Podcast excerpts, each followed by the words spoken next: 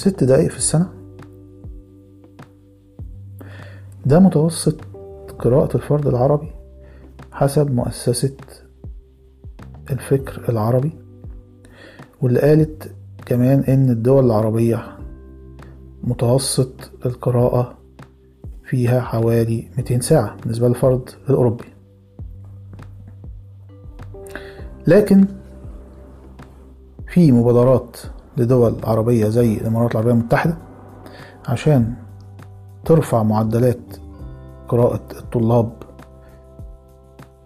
والمدارس والجامعات في القراءة. كمان منظمة اليونسكو قالت إن نصيب كل مليون عربي لا يتجاوز 30 كتاب. ده في مقابل 854 كتاب لكل مليون أوروبي. ده معناه إن قراءة الشخص العربي ربع صفحة في السنة بس.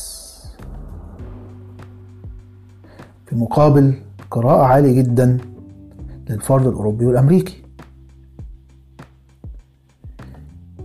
طيب كمان في إحصاءات بتقول إن كل 80 عربي بيقروا كتاب واحد بس. وكل وأوروبي واحد بيقرأ 35 كتاب. ولكن في سنة 2018 في استبيان إلكتروني أشار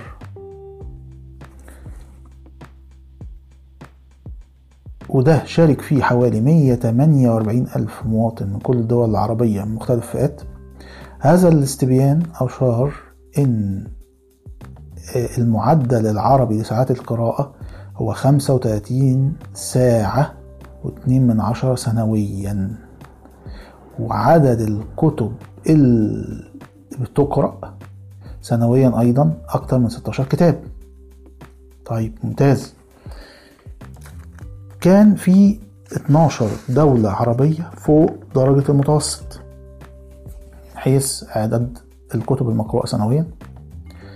الدول دي كانت لبنان المغرب مصر الإمارات تونس الأردن السعودية قطر بحرين فلسطين الجزائر وعمان. طيب التقرير ده أكد إن النتائج دي هي رد موضوعي على الأرقام المتداولة واللي بيعتبرها البعض أزمة قراءة عربيا. وإن متوسط القراءة في العالم العربي سنويا ما بيتعداش ربع صفحة الفرد والمواطن العربي بيقرأ حوالي ست دقايق في السنة طبعا زي ما ورد في القراءة الأخرى طيب. هل تحب إن أنت تقرأ بطريقة عملية وسريعة؟ إليك القراءة الذكية بطريقة SQ 3 R وده أسلوب أول واحد وضعه هو دكتور فرانس فرانك روبنسون في كتاب Effective Study عشان يقدر يساعد الطلاب في الجامعة إن هم يوفروا الوقت. خلينا نقول معنى أول حرف من هذه الطريقة وهو سيرفي أو نقدر نقول عليه استطلاع ومكاشفة لهذه القراءة أو لهذا الكتاب. وهنا باخد فكرة عامة. عن الفصل اللي أنا عايز أقراه أو المطلوب قراءته. بقرأ كمان العناوين الرئيسية والفرعية.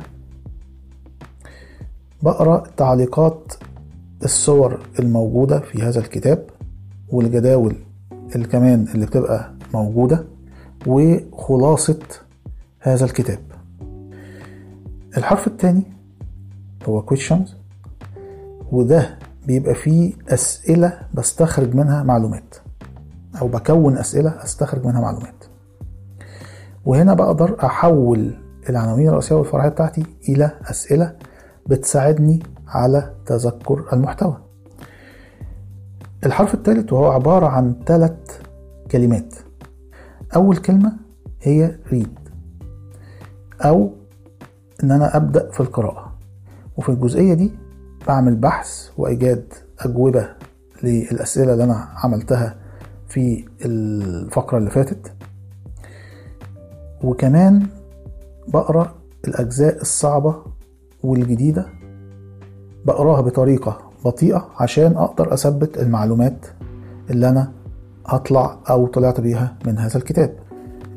الكلمة التانية عندي ريفيو